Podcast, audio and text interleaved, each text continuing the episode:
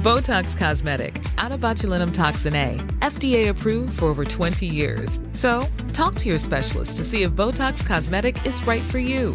For full prescribing information, including boxed warning, visit BotoxCosmetic.com or call 877-351-0300. Remember to ask for Botox Cosmetic by name.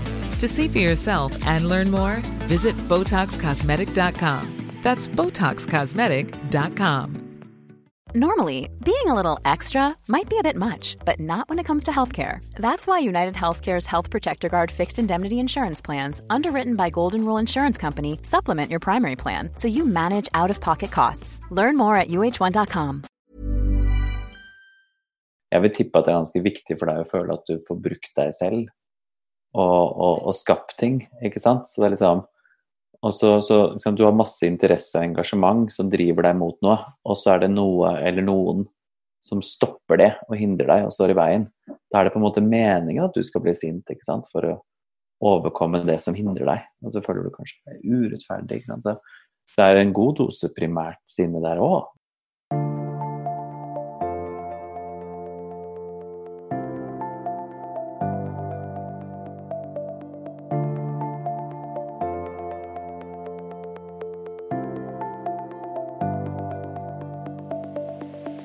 Der hørte du psykolog og forfatter Aksel Inge Sinning validere mitt sinne og frustrasjon om dagen over å ikke få nok tid til å jobbe. Og det tror jeg at mange kjenner seg igjen i. Jeg heter Sara Lossius, du hører på episode 152 av Ingefær podkast, og jeg håper at ingefær gjør deg litt lykkeligere. Denne episoden trengte i hvert fall jeg. Aksel Inge og jeg snakker om følelser, og at følelser i koronatider er så mye sterkere enn vanlig. Aksel hjelper meg til å forstå mitt eget sinne. Vi snakker om mat og følelser, om skam, om hvordan håndtere følelser hos oss selv og andre, og at følelser er kropp. Det er kjempekroppslig. Og det siste syns jeg er skikkelig, skikkelig spennende. På Instagram-kontoen min Sara Lossius, fikk jeg kjempemange spørsmål til Aksel Linge fra dere. Noen besvares i denne episoden, andre i ingefærshot som kommer på torsdag. Aksel Inge er for øvrig kilde i boken min, Litt lykkeligere, så der kom det inn litt egenreklame. Og om du vil lese den, for liker du ingefær, så liker du Litt lykkeligere, det er jeg sikker på. Da kan du sjekke den ut og kjøpe den på saralossis.no slash litt lykkeligere. Men nå over til Aksel, og jeg håper inderlig at denne episoden gir deg merverdi i dag og dagene som kommer. God lytt! Hallo, Aksel Inge. Velkommen tilbake for ingefær. Takk skal du ha. Jeg har eh, gledet meg, eller jeg har ikke gruet meg, men jeg har gledet meg til denne samtalen her. Men det, det, er jo, det er jo personlige og intense greier å snakke en stund om følelser. Det er det. Det blir alltid veldig personlig når man snakker om følelser, og veldig mange kobler på det. Men merker sikkert mange som lytter til dette også, at man eh, kobler på litt ekstra med en gang man hører følelsesprat. Ja. Du har jo vært på Ingefær eh, før, sammen med medforfatter av boka 'Klok på følelser', Jan Reidar Stigler. Og da mm. hadde dere hatt lanseringsfest, men det er en fin episode for det. Ja, absolutt. Så dere kan, Det går jo an å lytte på den etter dere har hørt på denne episoden her. Men vi må snakke om følelser, fordi jeg tror at jeg i hvert fall opplever i disse tider her at mine egne følelser, ikke hver dag, men ofte blir eh, ganget med ti. Og det skal vi komme tilbake til, men først må vi ha det grunnleggende. Hva mm. er en følelse? Jo, altså følelsene dine er et av dine viktigste signalsystemer. Eh, og det forteller eh, noe om hvordan du har det med deg selv, hvordan du har det med andre mennesker. Altså det aller viktigste følelser sier hvis det liksom er én ting vi skal huske, så er det at følelser forteller noe om behov. Så følelser handler alltid om at det er noe du trenger. Så du føler noe når et emosjonelt behov er berørt. Om du kan snu det rundt og på en måte si at når ditt emosjonelle behov er berørt, det er da du begynner å føle. Så hvis du mangler trøst og støtte, så blir du lei deg, f.eks. Hvis du mangler emosjonell trygghet, så blir du redd. Så det er et signalsystem, da, akkurat som bensinlampa i en bil som varsler om at nå er det noe du trenger. Og så er det forskjell på emosjoner og følelser og affekt. Kan du gjøre oss klok på det? Ja. For, for enkelhets skyld så vil nok de fleste bare snakke om følelser, men vi kan altså skille mellom affekt, følelser og eh, emosjoner. Og affekt, det er på en måte det er din hardware. Det er din grunnleggende på en måte kroppslige eh, disposisjon da, til å føle noe som er medfødt, og som alle mennesker har affekt. Og affekt er på en måte bare de kroppslige signalene som foregår hele tiden. Og så er følelser er egentlig din subjektive opplevelse av affekten igjen. Altså Det er når du har blitt bevisst på at nå er det noe som foregår i meg, jeg føler noe, og så har du en opplevelse av det. Det er det vi kaller for følelser. Og så har du emosjoner, eh, som er på et vis din bibliografi. Da, på en måte Alle dine opplevelser og minner og erfaringer og holdninger til de affektene og følelsene igjen. Så f.eks. at hvis du har veldig mange opplevelser med at uh, tristhet er vanskelig, f.eks., så kan du bli trist på en annen måte enn en annen person som blir trist. ikke sant? Så, og så er det liksom alltid at affekt og følelser har alltid De er ganske korte. ikke sant? Affekt kan jo være i mikrosekunder. Mens en følelse vil ofte vare litt lenger. Uh, og emosjoner er på, et vis liksom det som vi ofte er i når vi er i et humør. altså Det vi kaller for et humør. Hvis vi er i dårlig humør over lengre tid, så betyr det ofte at vi er i en emosjon. For dette er liksom, det er noe mer enn bare noe i øyeblikket. Det er også din, dine minner og dine opplevelser med de følelsene. Så det er ganske komplisert, men for enkelhets skyld så vil nok de fleste snakke om følelser. At vi kaller det for følelser. For det er det på en måte de fleste av oss har en subjektiv opplevelse av. da. Men hvilke følelser har vi, da? Ja? Jeg skjønner at det er eh, noen mener er eh, få, noen mener at vi har flere. Ja, jeg har sett teorier alt fra at vi har to følelser til 75. Eh, de vanligste følelsene jeg i hvert fall møter på hos mennesker og i terapi og sånn, når jeg jobber med klienter, er jo glede. Så er det interesse og iver engasjement som en nøytral følelse. Og så er det tristhet, frykt, sinne, skyld og skam. De er ganske like, skyld og skam. De er liksom nevrologisk sett ganske like også.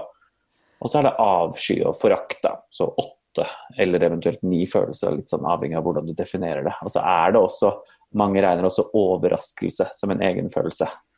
Da kan vi på en måte nesten nærme oss ti, da, på et vis. Men, og så er det litt sånn at Og så 70 alle, av de er negative? Nesten mer, egentlig. Egentlig så, ja. jo, egentlig så, er det jo bare glede som er en positiv følelse. Uh, og det, det, det, gir mening fra et evolusjonsmessig perspektiv, fordi vi trenger ikke Husk at følelser utløses når du har et behov som ikke er møtt. Altså når, du, når det er noe du mangler. Så vi trenger ikke kjempemange følelser til å fortelle oss at vi har det bra. Vi trenger mange flere følelser til å fortelle oss når det er noe vi mangler, noe som er dårlig. Ikke sant? Så, ja, for det er mange flere ulike behov som må dekkes til de følelsene? Rett og slett. ikke sant? Frykt mm. vil være én ting, sinne vil være en annen ting, skyldfølelse vil være en tredje ting osv. Mens glede er jo egentlig den følelsen vi får når vi får noe vi trenger. Altså når det er noe vi ønsker, eller noe vi trenger, eller noe vi lengter etter. Så altså et annet emosjonelt behov blir møtt. Da blir vi glade. Det har du f.eks. merket hvis du har vært skikkelig, skikkelig redd for å holde et foredrag, og så er du nervøs, og så går det bra, og så mestrer du det. Og så blir du glad etterpå fordi du har mestret, ikke sant. Eller du har savnet om... noen, og så ser du dem igjen, og så blir du glad fordi du har fått møtt ditt behov da, for det, det du savner, ikke sant. Mm. Men det minner meg litt om den eh, det, Nå avslører jeg at jeg begynner å dra på åra, men den tegneserien Streken, den husker du òg, ikke sant? Ja, ja, ja, absolutt. Ja, La Linja. Fordi han går rundt og kjefter og smeller og er lei seg eller hva som helst, og så blir han glad, og så blir det greit. Mm. Man blir som regel glad når man får det man trenger. Det er, liksom, det er ja. da glede som regel utløses. Så det er derfor veldig få altså Når vi snakker om lykke og tilfredshet og ha det bra i livet, så er det veldig få som regner med at det å ha det bra i livet er å gå rundt og hele tiden være glad. For det vil, være, det vil, på en måte nødvendigvis også innebære at du også hele tiden får noe du trenger, og det er det ikke alltid man får. Nei. Det er liksom koblet opp mot tilfredshet også. Men forskjell på primær- og sekundærfølelse må vi ha med når vi har på eh, Følelse for dummies først i eh, episoden. Ja, det må vi ha. Um, nå, nå, snakket jeg på en måte om de ulike grunnfølelsene, da, som vi kaller det. Så grunnfølelser som igjen utgjør på en måte byggekomponentene i de mer kompliserte følelsene våre. ikke? Så Du har mange andre følelser også enn de jeg nevnte. ikke sant? Du har sjalusi og misunnelse og hat og nostalgi osv. Men de er på en måte satt sammen av grunnfølelsene. Og når en følelse oppstår som direkte reaksjon på noe, f.eks. jeg mister eh, moren min, da, moren min dør, og jeg blir trist. Fordi jeg har tapt noe. Det er det som ofte utløser tristhet og sorg, at man har mistet noe. Uh, da vil jeg kjenne tristhet som følelse. Og det kalles for en primærfølelse, fordi det er den følelsen som er koblet direkte til det som har skjedd. Altså det er en umiddelbar, det er den første reaksjonen du har på noe som skjer. Det er en primærfølelse. Men det som ofte skjer, er at vi er ikke alltid bevisst hva vi føler. Uh, det er ikke alltid vi legger merke til det. Veldig ofte legger vi egentlig ikke merke til at vi føler noe for lenge etterpå. ikke sant? Um, eller vi kan føle at en følelse er litt forbudt, eller ikke er ok å vise her og nå. Eller kanskje vi har erfaring med at en følelse er litt forbudt eller litt farlig å vise. Og da vil ikke primærfølelsene komme til uttrykk. Og da vil vi ofte heller kunne få det som kalles for sekundærfølelser. Og sekundærfølelsen din, det er egentlig dine følelsesmessige reaksjoner på primærfølelsen igjen. Altså det du føler om det du føler. Så f.eks. For, for meg, da, en, en, følelse som jeg ikke er noe glad i, eh, er frykt. Jeg hater å være redd. Jeg syns det er noe skikkelig dritt, og da føler jeg meg ikke noe tøff og sterk, og så føler jeg meg som en dårlig mann. Og da kan jeg typisk skamme meg over å være redd, ikke sant. Så jeg kan bli flau uh, og kjenne skam når jeg egentlig er redd. Da er skam en sekundærfølelse, men så er det egentlig redd frykt da, som er primærfølelsen. Dette skjer mm. kjempeofte, så veldig mange av følelsene vi ser i hverdagen, vil være sekundærfølelser. Mm. Den tenkte jeg på i går, faktisk, når jeg eh, prøvde å trille yngst i søvn. Mm. Eh, og det funket også våknet når vi kom hjem, men sånn er nå det når man har baby. men eh, For da tenkte jeg på to venninner som jeg har eh, grått foran. Og så tenkte jeg sånn Fader, så flaut at jeg skulle vise at jeg gråt foran de. Ja, men så tenkte jeg sånn Aha. For da skammet jeg meg jo litt over at jeg viste noe helt normalt. Ja, å være lei seg. Ja. Men det, altså, og det, det, er sikkert tre år siden jeg gråt foran de, og jeg har tenkt på det ennå, at jeg har vært sur på meg selv. da. Mm. Fordi jeg viste på en måte svakhet. Men uh, på trilleturen i går så kom jeg til et uh, på litt, uh, litt bedre venn med meg selv på akkurat det. Ja, ikke sant. Så fint. Veldig dette. Dette tror, jeg, dette tror jeg er en av de vanligste sekundærfølelsene altså nordmenn kan kjenne på. da, Å skamme seg over sårbare følelser.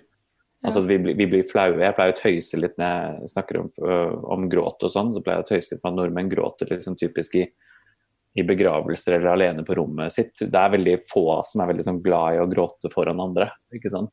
Så Vi skammer oss ofte for det, fordi mange, altså spesielt menn, da, har en sånn, vokser opp med en slags sånn holdning om at vi skal ikke gråte. Ikke sant? Store gutter gråter ikke. Og så kan, um, og så kan vi skamme oss veldig mye da, over, over, tristhet. Ja, det er sant. Jeg ser selv på eh, altså barna mine. Det er kanskje når de vokser opp òg, men de gråter jo mindre og mindre. Men jeg håper ikke det har noe med at det ikke er tillatt, hvis du skjønner? Det vil nok ha Det vil, det vil være flere ting. Altså jo, barn blir jo forhåpentligvis da, bedre og bedre på å regulere og håndtere sine egne følelser i morgen og ikke sant? Mm. Så følelsesuttrykkene er jo mye sterkere hos barn enn hos voksne, voksne. Men så er det jo sånn at små barn har jo veldig få sekundærfølelser, ikke sant? Fordi de har på en måte ikke lært det enda, ikke sant? Hvis du ser på de, på leasen nå, da, ikke sant? din baby. Det er veldig, det er veldig sånn rene følelser på et vis, ikke sant. Ja, det er veldig lite pokerfjes. Ikke sant. Og så må jeg nok si det at liksom, det er dessverre sånn at sekundærfølelsene våre dukker jo litt sånn opp med alderen. fordi det er jo, det er jo ting vi blir lært, ikke sant. Men det er jo Husk at det er, ikke, det, det er ikke noe sånn galt. Det er ingen som går rundt og bare har primærfølelser. Ikke sant? Det er jo en del av det å tilpasse seg en kultur og samfunn og familie og venneflokk og alt mulig. At vi vil jo få forskjellige forhold opplevelser til de ulike følelsene. Det vil jo være veldig varierende. Men du, en ting jeg syns er interessant, er jo det med eh, For du er jo kilde i, eh, i, boka mi, 'Litt lykkeligere', og der snakker mm. vi en del om det at følelser er kroppslige reaksjoner i kroppen. Ja. Og det syns jeg Jeg syns det var så spennende, for før så har jeg tenkt sånn at følelser er litt sånn Altså, man skal være Man skal ikke føle så mye, man skal være kalkulert, og man skal være i hodet sitt. Mm. Men så er, er, det liksom hele tiden så er det masse greier i kroppen mm. som styrer oss litt. Mm. Det, er, det er, akkurat det som er liksom viktig å, å, forstå med følelser. Jeg blir også litt sånn jeg, jeg har også fått høre den der mange ganger at ja, vi må holde hodet kaldt og is i magen og skal ikke la følelsene rive med seg. og Liksom skal, at følelser har et litt sånn negativt rykte da, på et vis. Litt, litt, både litt fortjent og litt ufortjent, mener jeg. Fordi følelser på sitt beste er kjempebra. Men følelser kan jo selvfølgelig også være vanskelig. da. Men sant, dette signalsystemet som jeg snakket om i stad, følelser som et signalsystem, det oppsto jo for liksom godt og vel rundt 30 millioner år siden. ikke sant? Det er da det begynte. Vi deler masse av våre følelser med andre grunnleggende pattedyr. ikke sant? Og også reptiler. ikke sant? Så Kanskje enda eldre òg. Frykt, f.eks., som, som emosjon deler vi med mange andre veldig primitive dyrearter, hvis det er lov å si det sånn. Eh, men også ikke sant, eh, pattedyr. Hvis du har en hund, så har du sett hunder både kan eh, være glad, de kan være redde og de kan skamme seg ikke sant, i form av at de underkaster seg eieren sin. Ikke sant? Det er en form for skam også. De kan være triste og savne. Og, og, så det er, på en måte, det er, helt sånn grunnleggende i oss, det har gått inn i oss. Og det oppsto veldig lenge før vår evne til å tenke rasjonelt og reflektere rundt ting og og analysere og planlegge. Så jeg syns det er litt sånn rart, hele den holdningen om at følelser på en måte er noe som skal kues av tanker. da. Fordi mm. det er to forskjellige systemer, og følelsene er så mye eldre. Så jeg syns det er litt sånn merkelig, egentlig, akkurat det der. Men siden det er så gammelt, sant, så er det veldig bundet til kroppen vår, sånn rent biologisk. Så det er jo ikke psykiske fenomener, det er kroppslige fenomener. Det er samspill av hormoner og nerver og muskler og nevrotransmittorer og tarmer. De har masse å si for følelsene dine. Og til og med skjelettet ditt sant, vil endre seg når du føler noe. Når du er i alarmberedskap, så vil skjelettet ditt endre seg. Så det er masse kropp i følelser. Ja, det er masse, masse kropp. Masse. Så på en måte vagusnerven din, da, eksempel, som går fra hjernen og nedover, i, i organene og tarmene dine, den er kjempeinvolvert i både følelsen av frykt og også det som ror deg ned og trygger deg. ikke sant? Men også er den involvert i skam og skyldfølelse. Og, så alt dette har Det er masse kropp og det er masse kroppslige opplevelser. Så når vi føler noe, så føler vi det jo i kroppen. Stort sett fra halsen og ned eh, til magen rundt der, der vi som regel liksom kjenner følelsene våre. da. Eh, F.eks. tristhet kan vi kjenne som et tomrom i magen, eller skam kan vi kjenne som det er, veldig, det er, jo individuelle forskjeller her, men det er noen ting som går igjen. At veldig mange kjenner skam og skyld rundt sånn mellomgulvet, solar plexus. Og frykt er ofte trykk i brystet, ikke sant? og sinne kan være at du føler deg kraftfull og sterk. Og, og så er det også at det, det, vil jo aktivere kroppen og hender. ikke sant? Når du er, når du er um, redd, så vil du ofte kjenne energi i beina og, og armene dine og kan få kalde hender og føtter f.eks. Mens sinne oftere, oftere, vil gjøre deg varm da, enn bare kald. Ja, fordi kroppen setter i gang. Nå, nå, eh, nå ammer jeg en liten baby her. Sånn er det å gjøre opptak på kvelden. ja, vi er jo på vi er jo på Zoom, så jeg ser jo ikke det, det heller. Nei, det, det, er jo Du har jo sett det før. Det er greit, ja, altså, men jeg var sånn skikkelig multitasking-mom her. Men eh, jeg, jeg syns det var litt så dårlig til å koble seg til her. Men um, jeg får eventuelt klippe det, eller la det være. If you thought the only way to get a more defined jawline with natural-looking results was through surgery, think again. Juvederm Volux XC is a non-surgical injectable gel filler that improves moderate to severe loss of jawline definition and can help you achieve natural-looking results with little downtime. Even better, this improved definition lasts up to one year with optimal treatment. No maintenance required. Improve jawline definition for a smooth, sculpted look with Juvederm Volux XC. For important safety information and to find a licensed specialist, visit juvederm.com. That's J U V E D E R M.com. Not for people with severe allergic reactions, allergies to lidocaine, or the proteins used in Juvederm. Common side effects include injection site redness, swelling, pain, tenderness, firmness, lumps, bumps, bruising, discoloration, or itching. There's a risk of unintentional injection into a blood vessel, which can cause vision abnormalities, blindness, stroke, temporary scabs, or scarring. Talk to a licensed specialist specialist to find out if it's right for you. Botox Cosmetic, out of botulinum toxin A, FDA approved for over 20 years. So, talk to your specialist to see if Botox Cosmetic is right for you. For full prescribing information, including boxed warning, visit BotoxCosmetic.com or call 877-351-0300. Remember to ask for Botox Cosmetic by name. To see for yourself and learn more, visit BotoxCosmetic.com. That's BotoxCosmetic.com. Men uh, altså, skjelettet, hvordan er det? Er det mer om at man f.eks. krummer ryggen når man er, skammer seg, eller, hva, eller er det, Det sånn vil man jo også noe? gjøre. Eh, Det er noe litt annet, da, men altså det, det jeg sikter til egentlig med skjelettet, det er ganske ny forskning, så jeg har ikke satt meg 100% inn i det ennå. Men det er noe med at selve metabolismen i skjelettet endrer seg litt grann, akkurat når du er aktivert. Altså det, er, det er noe sånn fysisk som skjer da. Men det du sikter til med å krumme seg, er noe annet som er veldig spennende med følelser, som også er veldig viktig å huske. Så nå tok du meg ganske sånn fint videre til det. og det er at alle følelser vil også ha det som vi kaller for en handlingstendens. Ja. Eh, fordi altså siden det er så mye kroppslig aktivering, så vil også altså, Grunnen til at den kroppslige opplevelsen og aktiveringen er der, er jo for å motivere deg til å gjøre noe som øker sannsynligheten for at du får det du trenger. For hele funksjonen til følelser er å få et behov møtt. Så, Men hvordan eh, utarter det seg da? jo, f.eks. at hvis du er sint, så, får du, så kroppen din vil gi deg lyst til å gå til angrep og si ifra. Heve stemmen, nærme deg, sette grenser. Ikke sant? Fysisk. Mens tristhet får deg til å synke sammen og bli, eh, og bli tung og gråte. Ikke sant? Det er en handlingstendens. Eller skam, som er en sånn som vi snakket om i stad. Når du skammer deg, så får man veldig ofte lyst til å gjemme seg. Det ser man veldig tydelig på barn. At når de skammer seg, så løper de.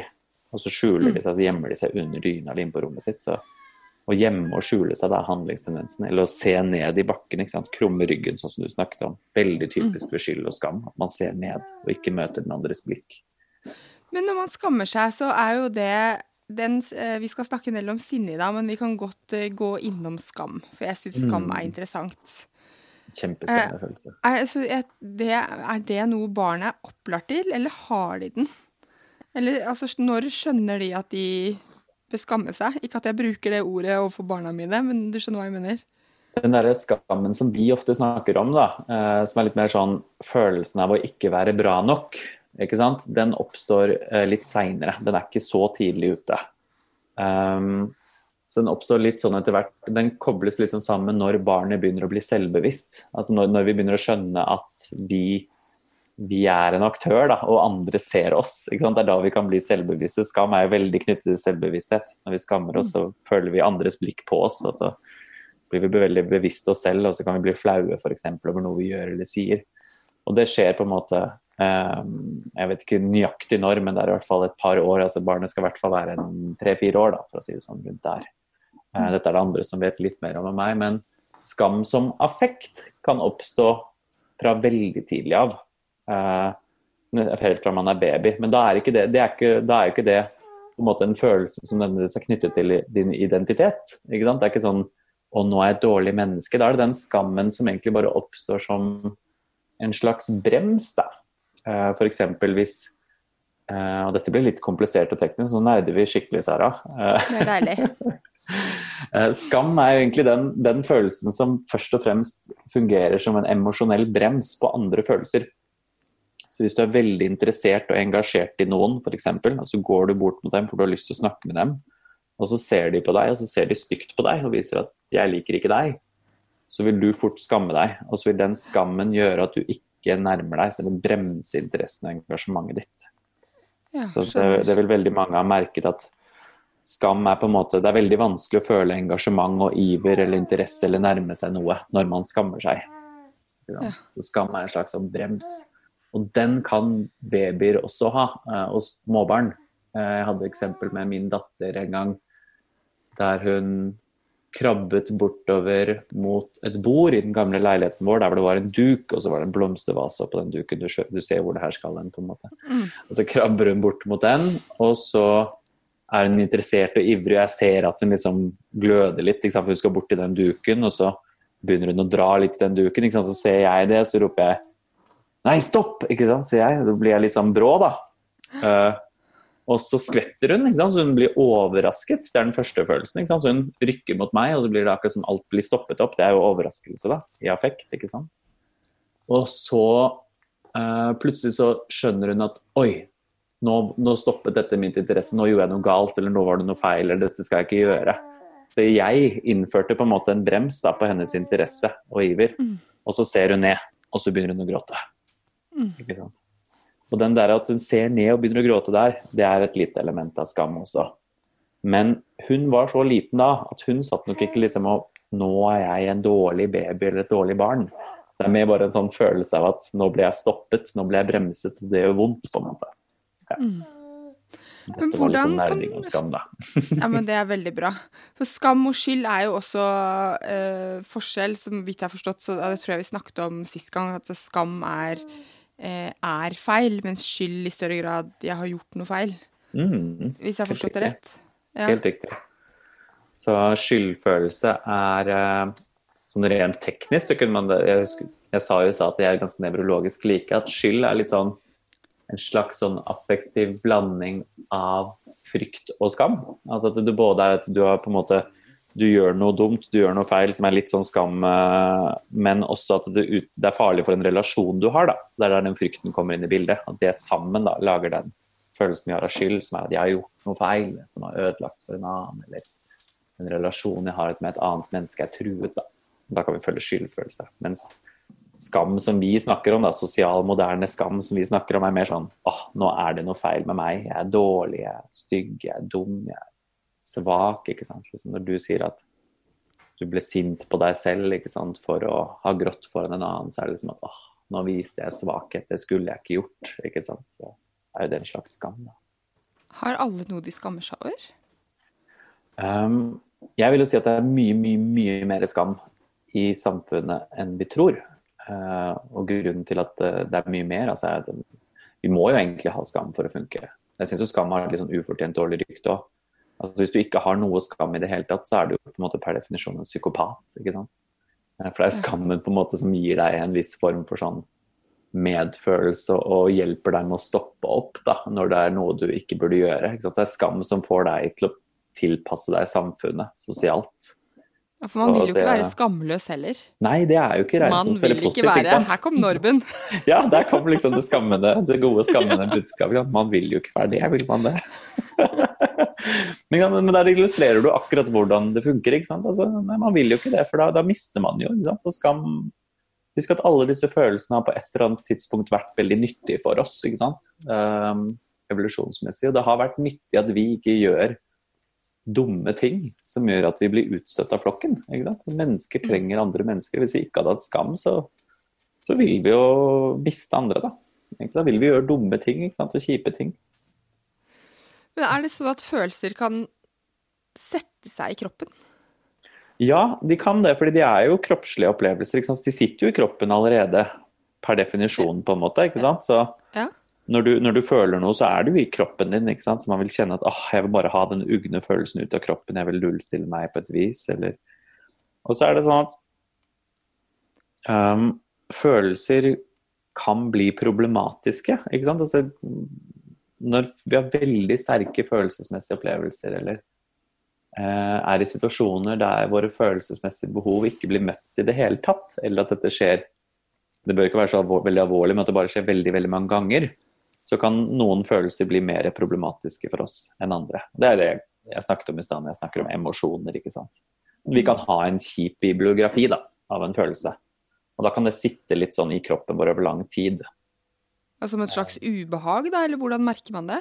Ja, det kan være et fysisk ubehag, og det kan også bare være noe som er veldig sånn lett tilgjengelig å trigge. da, At du som regel går rundt og har det greit. og så Disse problematiske følelsene jeg snakker om nå, er liksom den kjipe kompisfølelsen din du får på nytt og på nytt og på nytt og på nytt og på nytt gjennom livet ditt. Som med jevne mellomrom kan du føle deg selvkritisk, eller med jevne mellomrom kan du føle deg uh, redd og alene og avvist. Eller med jevne mellomrom kan du føle deg trist. Det er sånn type sånne gamle følelser. Det vil alle ha noen av. Det er liksom en del av det å være et menneske. At, eh, at vi, hjernen vår funker litt sånn at vi husker bedre ting der det er sterke følelser involvert det vil øke hukommelsen på det. Så når vi opplever noe som er emosjonelt vondt, så vil vi prøve å tilpasse oss og prøve å hindre at det skjer igjen. Og da, Sånn kan følelser på en måte lagres litt ekstra, da, at noen følelser blir mer vanskelig enn andre. Og Noen ganger så er jo ikke folk bevisst heller at de har følelser i kroppen. For vi bruker jo kroppen vår også for å regulere følelser. Det er veldig typisk. Og det er det jeg tenkte vi skulle snakke om nå. For ja, jeg har lyst til å snakke litt Veldig bra overgang denne gangen fra deg. Eh, for i boka mi så snakker vi jo litt om mat og følelser. Altså ja. fordi vi snakker jo om det Du sa jo det tidlig nå, at uh, tristhet f.eks. kan man føle seg litt sånn tom i magen, f.eks. Mm. Mm. Uh, og at, uh, at, da kan det f.eks. hjelpe å spise. Ja, for altså, veldig mange opplever tristhet som et hulrom i magen. altså Som at det er noe som fysisk mangler. Ja, det kjennes litt sånn ut. Det er noe som mangler. Um, vi har jo også sånne begrep, ikke sant? altså hull i hjertet og sånn. ikke sant? Mm. Um, og da vil mange, altså mange vil faktisk forveksle det med sult. Uh, og faktisk altså kunne tenke at hm, nå er jeg vel sulten, så er det egentlig triste. Noen vil kunne være der. Og så er det også det at det å spise seg passe mett vil også være lindrende emosjonelt. da. Uh, det er jo ikke en varig mestringsstrategi som jeg vil anbefale på en måte for å bearbeide sorg. ikke sant? Men det vil lindre litt der og da. Det vil jo det. Mm. Det er mange som bruker følelser for å regulere mat. da. Enten ved at de spiser mye for å få bort en smerte, eller ved at de f.eks. som vi vet med andre spiseforstyrrelser som anoreksi og sånn, at uh, folk prøver å kontrollere maten for å ha noe å kontrollere. Altså, enten for å ha smerte eller bare for å føle seg god nok da, til å kunne regulere følelsene sine. Mm. Mm. Men hva, altså, hva er det med mat som er så kraftfullt i det her? Altså, det er veldig mye sånn selvomsorg i mat. Da. Det er, eh, det er veldig mye sånn ta vare på seg selv, pleie. og Vi har jo også veldig sånn holdning om at liksom vi skal ja, Det ligger litt sånn i samfunnet. Vi skal feire med mat, og vi skal trøste med mat. Og, og så får vi også en del sånn gode fysiske opplevelser av mat. Det er en sånn god belønning, på en måte. Så det er, mange bruker mat altså på en måte for å regulere ned følelsene sine. Det er jo andre ting vi også gjør. Vi trener ikke sant? for å få fokus på andre ting. Vi, jeg, er jo veldig interessert i sånn mikroting vi gjør, da, som jeg ofte følger med på i terapi. Folk sukker. Det er kjempevanlig. Det ser du at folk gjør. Du kan se når de føler at de er sånn Ikke sant? Det er nedregulerende, da. Uh, folk gjesper ofte. Altså, jeg har flere klienter som gjesper. At stemmen kan endre seg, eller at man spenner musklene sine. Det er jo kjempevanlig. at Siden følelsene er fysiske, så spenner vi musklene i kroppen vår for å redusere smerte. Så det er veldig mange som har sterke følelser, som både har stive magemuskler og vondt i hodet, og migrene og stiv nakke. Og, og stive hofter er heller ikke uvanlig. Du har jo drevet en del med yoga. Du har sikkert vært borti det fenomenet at noen kan tøye og gjøre en yogaøvelse og så kan bli veldig emosjonell og gråte, f.eks. Ja, det har jeg gjort. Ja, ikke sant? Liksom man... Og nå er jeg fryktelig stiv igjen, så, og det går jeg rundt og analyserer meg selv på. Er dette veldig dårlig, eller Men jeg har innsett at jeg har skrevet bok, født og ammet. ja. Jeg tror det er mer livet enn uh, hoftefølelsene mine. Mm. Husk ikke sant, at det, det, må, det, må, ikke være følelser, selv om det er kroppslig smerte. ikke sant? Vi skal liksom være litt ydmyke og huske at det, det, går begge veier. Kropp vil påvirke følelser, og følelser vil påvirke kropp. Det går begge veier. Men man tyr jo til mange andre altså, Det er ikke bare mat, man tyr jo til andre stimulanter, da, som man kaller det, i følelser. Sånn som mm. eh, eh, jeg eh, eh, hvis jeg er stressa Noen blir jo syltynne av å være stressa, for de greier ikke å få i seg en kalori. Mm. Mens mm. jeg blir mye mer fysen når jeg er stressa. Mm. Eh, litt mer sånn stresspisende. Og så er mm. det mange som eh, f.eks. for eksempel eh, trener, eller man har sex, eller ser på porno, eller altså Det er mange ulike. Men hvorfor tyr vi til stimulanter? Hva er, det, hva er vitsen? Ja, så det er ikke bare altså stimulanter eh, Hvis du tenker stimulanter som fagbegrep, så er det ting som øker aktiveringen din. ikke sant? Altså eh, koffein og adrenalin og, og nikotin og, og, og, amfetamin og kokain og sånne ting ikke sant? som tar deg opp. Og så er det noen som også tyr til det som vi kaller Nå, nå tok jeg det kanskje litt mer sånn eh, direkte bokstavelig på fagbegrepet, da, men det andre som kalles for depressanter, ikke sant? som er det som tar deg ned. Alkohol, heroin, eh, morfin. Eh, jeg, vil tippe, jeg vil egentlig tenke at sex også på en måte er noe som tar deg litt ned også, ikke sant. Eh, I etterkant i hvert fall. Eh, så vi søker jo måter å håndtere og få bort kroppslig ubehag og spenning på. ikke sant? Så søker vi liksom til de tingene vi føler at funker. Og Det er ikke nødvendigvis noe galt i det, men noen ganger så kan de måtene vi prøver å regulere følelsene våre, bli selve problemet. ikke sant? Altså, jeg vil tenke liksom f.eks. med rus ikke sant? og alkoholisme og sånn, så er jo det jeg ser veldig ofte det som et forsøk på å prøve å håndtere noe emosjonelt. Noe vanskelig. Det er en, liksom, en mestringsstrategi som igjen blir problemet. Da. Hvis vi bare fokuserer på symptomet, da, liksom bare fokuserer Eller sånn som man, narkotikapolitikken har vært i veldig mange år, da, at man kjefter på og prøver å skamme de som ruser seg til å ruse seg mindre, så vil jo det fungere dårlig, da. Fordi du legger jo bare enda mer skam og skyld på de følelsene som allerede er der. Ja, det hadde funka veldig dårlig for mine strategier. Altså hvis Jeg skulle skamme Jeg syns jeg drikker for mye kaffe. Jeg har hatt en pause, nå har jeg begynt igjen. Ja. Hvis noen skulle eh, Og det, det, er ingen big deal, også bare så det er påpekt, men hvis noen skulle mm. kjeftet på meg fordi Så vet jeg at jeg hadde drukket mer.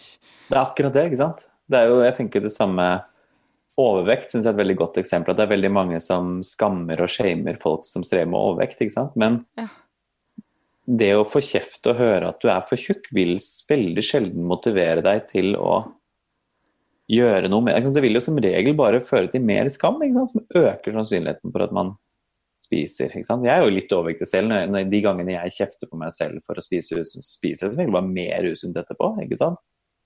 Det liksom, eh, og dette vet vi jo egentlig hvis vi tenker oss litt om. Hvis du hadde hatt en venninne som skulle trene, og som trengte å trene, så går jo ikke du og sier til henne at faen så lat du er, nå må du komme deg ut av den sofaen, din jævla late faen.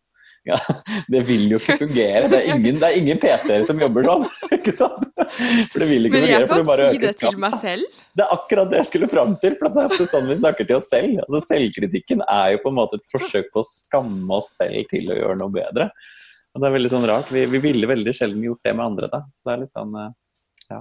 ja godt er det. Altså, jeg har tatt meg selv Jeg har lyst til å gå litt inn på sinne, for nå har jeg mugga ja. i to dager. Ja. Og jeg har også vært åpen om det på Instagram. Jeg måtte skrive lapp til jeg trakk ut eh, god kaffe til Jon i går og skrev lapp på koppen 'Jeg elsker deg', i håp om å mm. eh, reparere, reparere, litt. fordi eh, jeg monologkrangler, som jeg kaller det. Ja, han krangler veldig sjelden med meg. Og det er jo godt, da, at vi ikke har to kranglere i hus. Mm. For jeg har vært sinna i to dager. Eh, og, og, så spurte jeg deg i forkant av intervjuet kan vi prate litt om sinne, og da blir du kjempeglad. Ja. Sinne er min favorittfølelse, pleier jeg å si. Ja. Jeg er veldig glad i sinne. Eh, men merk at når jeg sier at jeg er veldig glad i sinne, så snakker jeg da om primært sinne. da. Det er, det, det er det, den følelsen jeg er så glad i. Eh, primærfølelsen sinne. Det er det vi kaller for et sunt og selvhevdende sinne. som er det er, det er, ofte det I terapi så kaller vi ofte sinne altså sånt sunt, selvhevdende primært sinne, da kaller vi ofte for en helbredende følelse. For det er det vi ofte må hjelpe klientene våre med å få tak i. Altså, og sinne kan være en litt sånn magisk følelse som egentlig endrer både skam og frykt. Da. At hvis du er veldig, veldig redd for noen, og så klarer å bli sint på dem, så vil du ofte slutte å være redd. Eller hvis du skammer deg veldig og ser på deg selv som veldig uverdig, men så blir selvhevdende sint, som høres litt sånn Nei, dette aksepterer jeg ikke, dette fortjener jeg ikke, nå er det nok. Du får ikke behandle meg på den måten. Det sinnet ikke sant, vil jo være transformerende da, for den skammen. Men det er ikke noe sånn aggressivt, voldsomt sinne. ikke sant? Du hører at det bare er sånn Sunt selvhevdende sinne er bare tydelig og kraftfullt. Det er liksom Jeg godtar ikke dette, jeg aksepterer det ikke. Dette er det jeg vil ha, og dette er det jeg fortjener, og det trenger jeg. ikke sant? Det er det sunne mm. selvlevende sinnet. Det trenger vi jo masse av. Det ser jeg på barn en del. Altså Mine ja. døtre de, de, blir jo mennesker mot hverandre, på en måte. Mm. Ellie og Fie. Lille Lissen skjønner jo ikke stort ennå. Men eh, jeg ser Ellie og Fie er der de er på det selvhevdende sinnet, og ja. at det går en kule varmt her hjemme, også, for de føler seg urettferdig behandlet av hverandre hele tiden. Mm. Eh, og, og, da er det rett i ryggen og høy stemme og slang, slamring ved dører, og det er ikke måte på, men eh, der er det mye av det, syns jeg. Ikke sant? Det, det sinnet er noe vi trenger senere. ikke sant? Det, det sinnet utløses typisk når noen står i veien for oss, hindrer oss i å få noe vi vil ha, eller behandler oss dårlig og tråkker over våre grenser. Da blir vi sånn sinte. Så hvis noen behandler deg dårlig og herser med deg, Sara, så trenger du jo være sint og kunne si ifra. Du trenger å kunne si at 'nei, det der, det godtar jeg ikke'. Det trenger vi. Men det har, har jeg syntes vært vanskelig.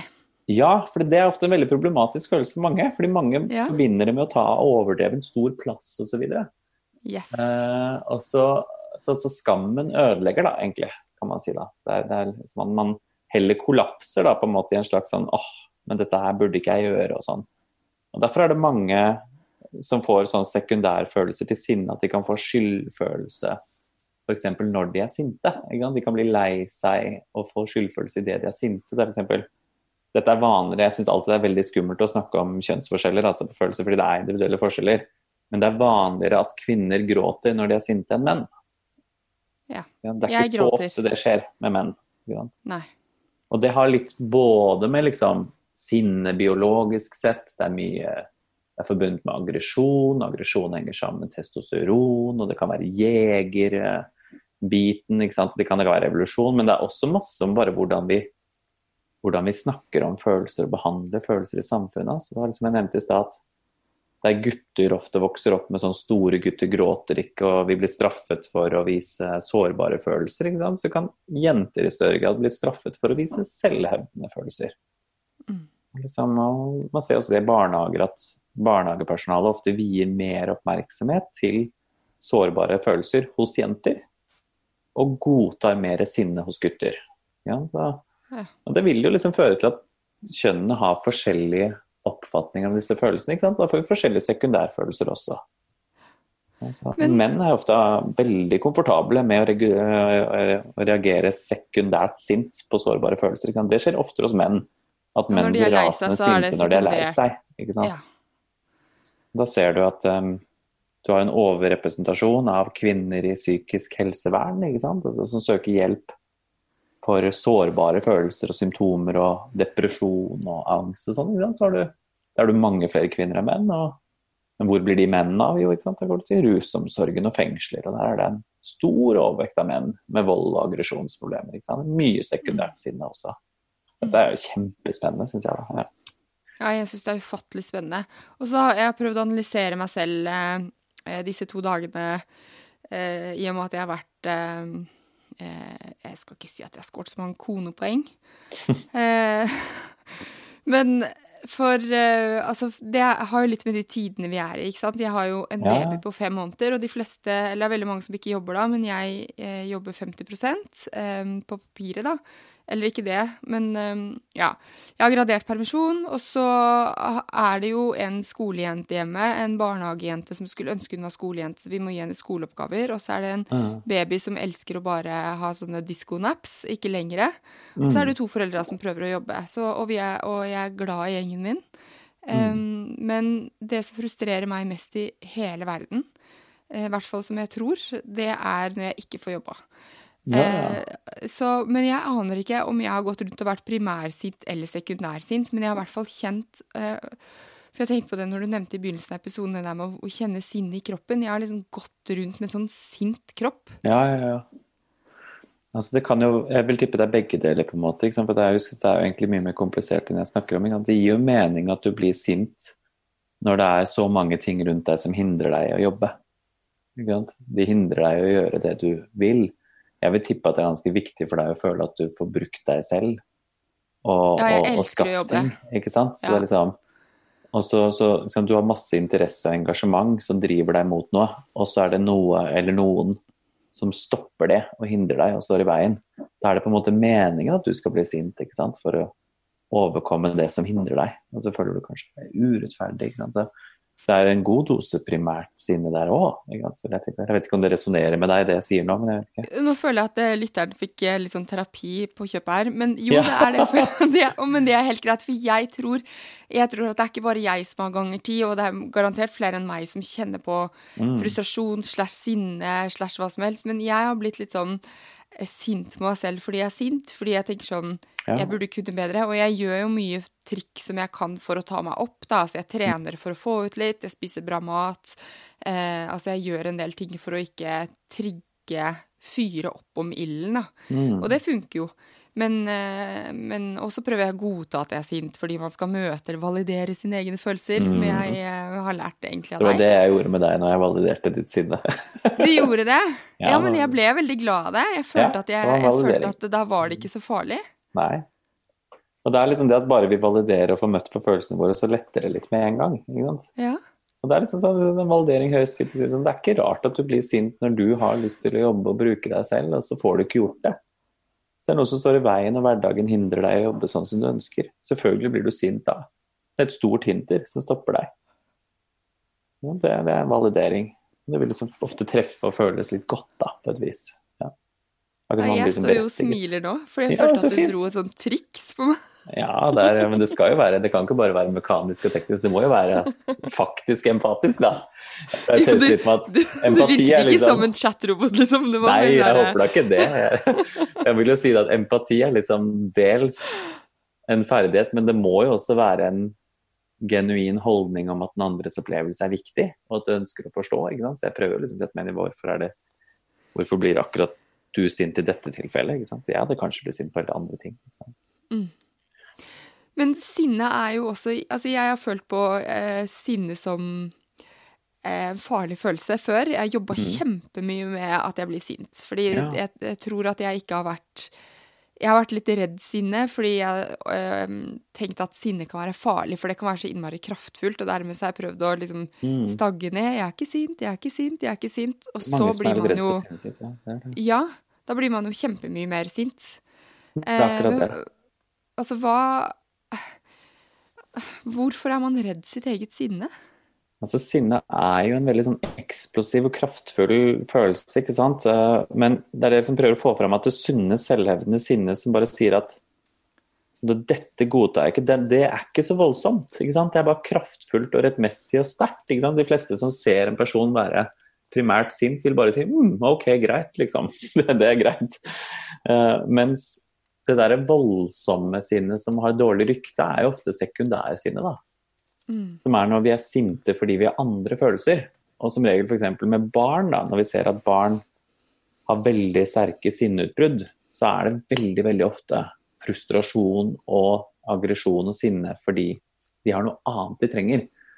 Eh, altså Det finnes selvfølgelig primært sinne at liksom hvis, hvis barnet ditt vil leke med iPad, og du sier nei, det får du ikke lov til å ta fra iPaden, så gir det faktisk helt mening at det barnet blir sint, ikke sant? fordi du tar fra det noe barnet vil ha.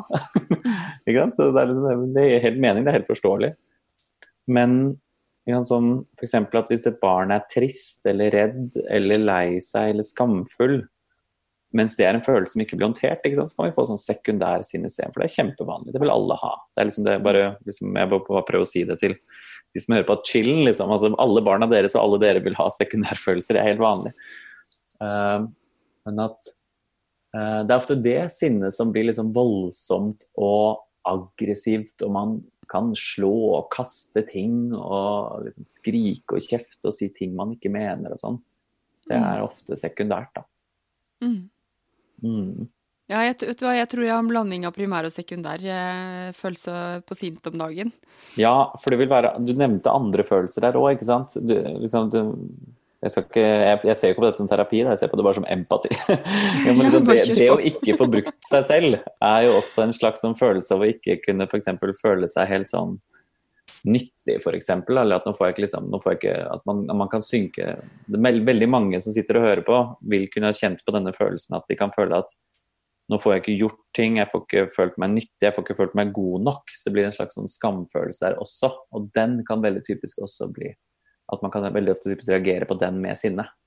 Ja, for jeg tror Så, mange ja. det var, Jeg fikk jo masse spørsmål. Vi skal ta en del av spørsmålene i Ingefær Shot, som kommer da torsdagen. Men eh, veldig mange eh, kommentarer på Instagram når jeg spurte hva de ville at vi skulle snakke om, handlet Mm. om frustrasjon over å ikke få tid til det man vil. Og så ser man da på Instagram Ja. eh, over Altså, jeg har en venninne som jeg sammenligner meg som er altså ene hun, hun er utenomjordisk rå på veldig mange ting, det er hun. Men hun får til så sjukt mye om dagene. Ja. Så jeg bare sånn der Faen, altså, hun får til så mye. Og, men så bare sånn, hun har én unge på fire år, og jeg har tre. Ikke sant? Eh, og så jeg bare tenkte sånn Du kan ikke Jeg kan ikke sammenligne meg med henne, eller egentlig med ingen. Men jeg tror nok veldig mange tenker at alle andre fikser biffen. Men det er jo eh, Det er nok ikke sånn. Nei, ikke sant. Så det, der nevner du egentlig også enda en følelse, ikke sant. Altså, um, hvis jeg kan liksom kalle det en slags sånn som jeg også kan få da når jeg ser Jeg har også småbarn, når jeg ser andre barn nei, andre kolleger nå, eller eh, venner som ikke har barn, ikke sant? som bare koser seg. Og jeg tenker sånn Å, fader, hvis jeg hadde hatt det sånn nå, så kunne jeg bare sitte og skrive hele dagen og hatt det kjempegøy. ikke sant? Så, så jeg, kan jeg bli misunnelig. ikke sant? Og misunnelse dreier seg veldig veldig ofte om noe man savner selv. Altså ens egen tristhet. ikke sant? Så, og der kommer vi inn i enda en følelse. ikke sant? At tristhet og sorg er noe veldig mange kjenner på nå for tiden. I starten kjente vi veldig veldig mye på frykt. Vi var redde. og Hva skjer? Hvordan skal vi håndtere dette? Vi må skaffe oss informasjon, vi må komme ovenpå, vi må få ting til å funke i arbeidshverdagen og hjemmeskole og alt mulig. Og så plutselig så er det mange som har hatt en sånn opplevelse at nå har vi landa litt, ikke sant? Mm. Og så går man plutselig over til en ny fase der man savner livet og samfunnet som var. At liksom, Mm. nå savner jeg, jeg ikke, sant? Ikke, ikke bare jeg føler meg ikke nyttig, men jeg savner det å føle meg nyttig. ikke sant? Mm. Jeg savner frihet til å bevege meg rundt. Jeg savner å klemme vennene mine. Jeg savner ha besteforeldre på besøk. Jeg savner å være på jobben og fjase i lunsjen med kollegene mine. ikke sant? Mm. Og det er jo egentlig tristhet og sorg. Fordi du har Mm. mistet noe, eller er i ferd eller føler at du mister noe som du setter pris på. Mm. Det er også sånn følelse som ofte kan gi litt sinne, som sekundærfølelse. For mange blir sinte Mm. når de egentlig er lei seg. Nå nevnte du cirka veldig mye av det jeg savner. Jeg savner ja, også Jeg savner frisøren min. Ja. Eh, Helt vilt. Mm. Eh, og så savner jeg å kunne fjonge meg opp og gå ut på bar. Og det gjør jeg Ja. ikke, fordi ungen min tar ikke flaske. Men jeg savner å ha mulighet til det. Ikke sant? Det er akkurat det. Mm. Og, det er sånn, og det som er så fint med følelser, er at altså, det handler jo Når jeg snakker om behov, at man trenger noe når man savner noe, da, da kjenner du at du savner noe fordi du trenger noe. At emosjonelle behov handler jo alltid liksom om Ja, det handler om emosjonelle behov, ikke praktiske behov. Så for at du skal få hjelp med den, det savnet, så trenger ikke du Det er ikke sånn at du må ha den baren for at det skal gå bort, den tristheten. Men man trenger trøst og omsorg og støtte. da, ikke sant? Så det, er liksom, det, er, er derfor det er så viktig å snakke om disse tingene med andre. og så folk kan høre liksom det at liksom, så nok en gang validering. Da kunne si liksom at ja, men Sara, det skjønner jeg, det er dritkjipt å savne å kunne gå ut fritt og bevege seg fritt og gå på bar. Selvfølgelig har du lyst til det. Det er fint å være der med vennene dine. Ja, du har lyst til å ha den muligheten. Ja, sant? det har du lyst til. Det savner du. Og det er helt ok. ikke sant? Liksom, så liksom det, er, det, er det, det er det språket der på et vis vi trenger når vi føler noe. ikke sant? Mens altfor mange begynner å bale med de praktiske tinga. Og liksom Ja. tror at vi må møte følelsene til andre, at det betyr at vi må alltid må gi etter og si at ja, men det er ikke noe vits å savne det, Sara, for du får jo ikke lov til å dra på bar før i 2022. Men det gir liksom ikke mening emosjonelt sett. da? Fordi det, Hvis du får trøsten, omsorgen og forståelsen du trenger, så vil også den sorgen gå over. da. Ikke sant? Ja, så er det sånn, ja. Dette syns jeg alltid er litt fint å minne seg selv på. Mm. Ja, det tror jeg man eh, Jeg tror eh, veldig mange par kunne trengt eh, litt sånt. Fordi det, ofte så går man vel i den praktiske fella, for man har jo lyst til å fikse den Veldig, andre. altså. Mm. Ja. Vi går enten i praktisk fella, liksom får lyst til å ta bort den andres problem og så sier 'Å, jeg hadde så kjip dag på jobben, jeg snakket med sjefen'. 'Å, men har du prøvd å ta opp det sånn og sånn og sånn', da? Går vi rett på praktiske greier. Eller at vi blir lei, da, og liksom blir sånn 'Ja, men hva har du selv gjort for at det skal bli sånn, da?' Eller liksom noe sånn derre eller nei, nå får du slutte å henge deg opp i det der, det er ikke noe vits å grave seg ned i det. Så begynner vi å kritisere dem. Ikke sant? Det er nok en gang det der å komme, altså det en dårlig måte å motivere noen til å komme seg videre på. da, og kritisere dem for hva de føler. Så vil du bare legge til skyld og skam til, til børen, på et vis. Men du, før vi avslutter, så vil jeg bare snakke litt om det vi står i om dagen. For det, jeg tenkte på det når jeg prøvde å lette på trykket i dag, så stakk jeg ned Vi har em, På den ene verandaen så har vi et sånn eh, treningsstativ, og så har vi noen kettlebells. Så jeg prøvde å svinge på en eh, tung kettlebell for å, å bli, høre på koselig musikk, for å bli glad. Eh, og da tenkte jeg på det faktum at vi altså jeg tenker at en grunn til at kanskje følelser blir litt sterkere, er at vi har vi har nesten ingen fluktvei om dagen. altså Det blir så rått og ekte. altså både med, man møter jo, Hvis man, eh, hvis man er ensom, så møter man det mye mer nå, eller alene. Mm. Eh, parforholdet så setter det nesten lupe på de bra tingene og de dårlige, sammen med barna sine, og mm. ikke minst seg selv. Fordi man har ikke den pausen i å kunne ikke, gå på shopping eller møte kollegaer eller kunne rømme fra ting. Det blir så innmari sterkt. Er du mm. enig i det?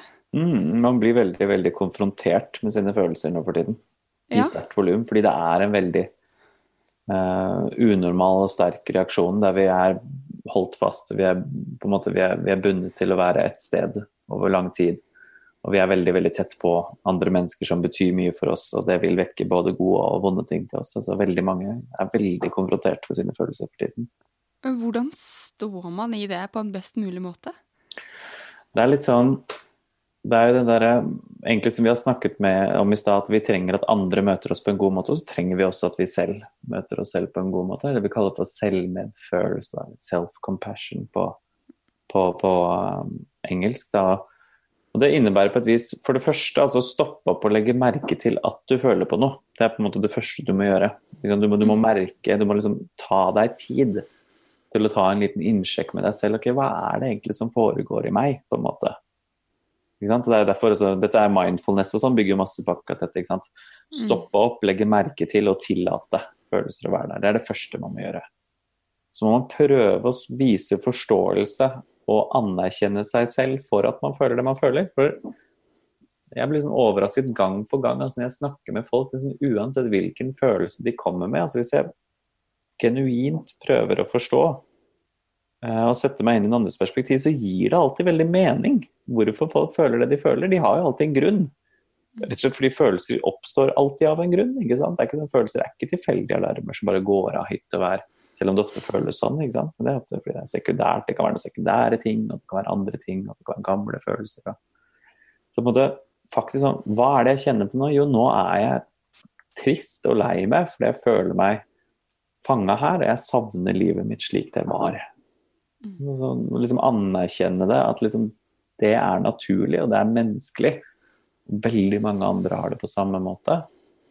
Og så kan man prøve å enten møte sitt eget behov, emosjonelle behov, da altså. Eller uh, få noen andre til å gjøre det. Så hvis du er trist, så trenger du trøst.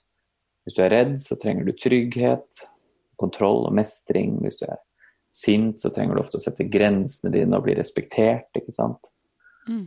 Um, hvis du er ivrig, så trenger du å få fordype deg og engasjert deg i ting. Så liksom man må liksom få møtt sitt emosjonelle behov, og da vil ofte følelsen roe seg ned. Og så er det nok også litt sånn at vi må være litt rause med hverandre og kanskje liksom Husk at selv om jeg snakker om at følelser er viktige og våre emosjonelle behov må bli møtt og sånn, så betyr jo ikke det at alltid Now is not always the time, da, på en måte.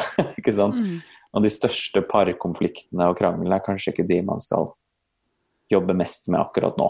Så kanskje man skal kunne sette ting litt på pause, f.eks. Utsette litt, hvis man klarer det. Da, på et vis. Det er ikke alltid man klarer det når følelsen koker. ikke sant? Mm. Men prøve å se litt stort på det og tenke at uh, dette ja. er en unormal situasjon. Huske på en måte hvorfor gjør vi dette. ikke sant? Jo, vi gjør dette fordi vi er uh, Vi prøver å beskytte de mest sårbare gruppene i samfunnet. og vi, skal, vi, skal, vi gjør dette for å redde samfunnet vårt.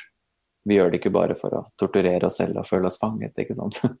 Vi gjør det faktisk for å redde noe som er viktig for oss, vi gjør det for et fellesskap som de fleste av oss vil kjenne at det er godt å kjempe for. Da. Mm. Så er det jo selvfølgelig masse praktiske ting, som du sier. ikke sant? Trene, spise sunt er viktig for følelsene dine. Vi, snakket, vi snakket jo ikke så mye om mat, men liksom, Nei, sunt kosthold vil påvirke stressresponsen din bra i kroppen da er det jo egentlig liksom følge veldig mange av de rådene som gis da, i podkasten din, og også fra helsemyndighetene også, ikke sant.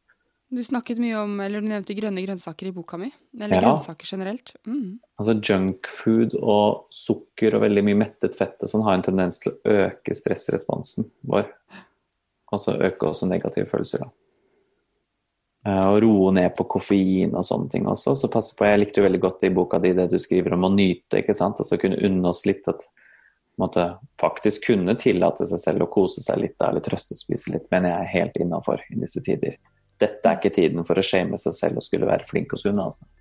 Nei, fordi da tror jeg det blir dobbel eh, Da blir det to cookies istedenfor én, eller en pakke istedenfor en halv pakke. Det er akkurat det. Tror jeg. Mm. Mm. Du, vi kunne snakket i timevis, men um, om noen dager så får man jo lyttespørsmål. Takk, eh, Aksel Inge, for at du gjorde oss eh, smartere. Jeg føler at jeg alltid vokser litt som menneske når jeg prater med deg, og det er ikke verst. Hyggelig. Nei, det er ikke verst, altså. Det er et fint kompliment. Takk for at jeg fikk komme. Det er alltid fint å snakke med deg. Sånn, det håper jeg var en god episode å ta med seg videre. I torsdagens shot svarer Aksel Inge bl.a. på om man kan føle for mye. Han gir boktips om følelser, og vi snakker om selvforakt. Inntil vi høres igjen, ta vare på deg selv og de du er glad i. Ha det.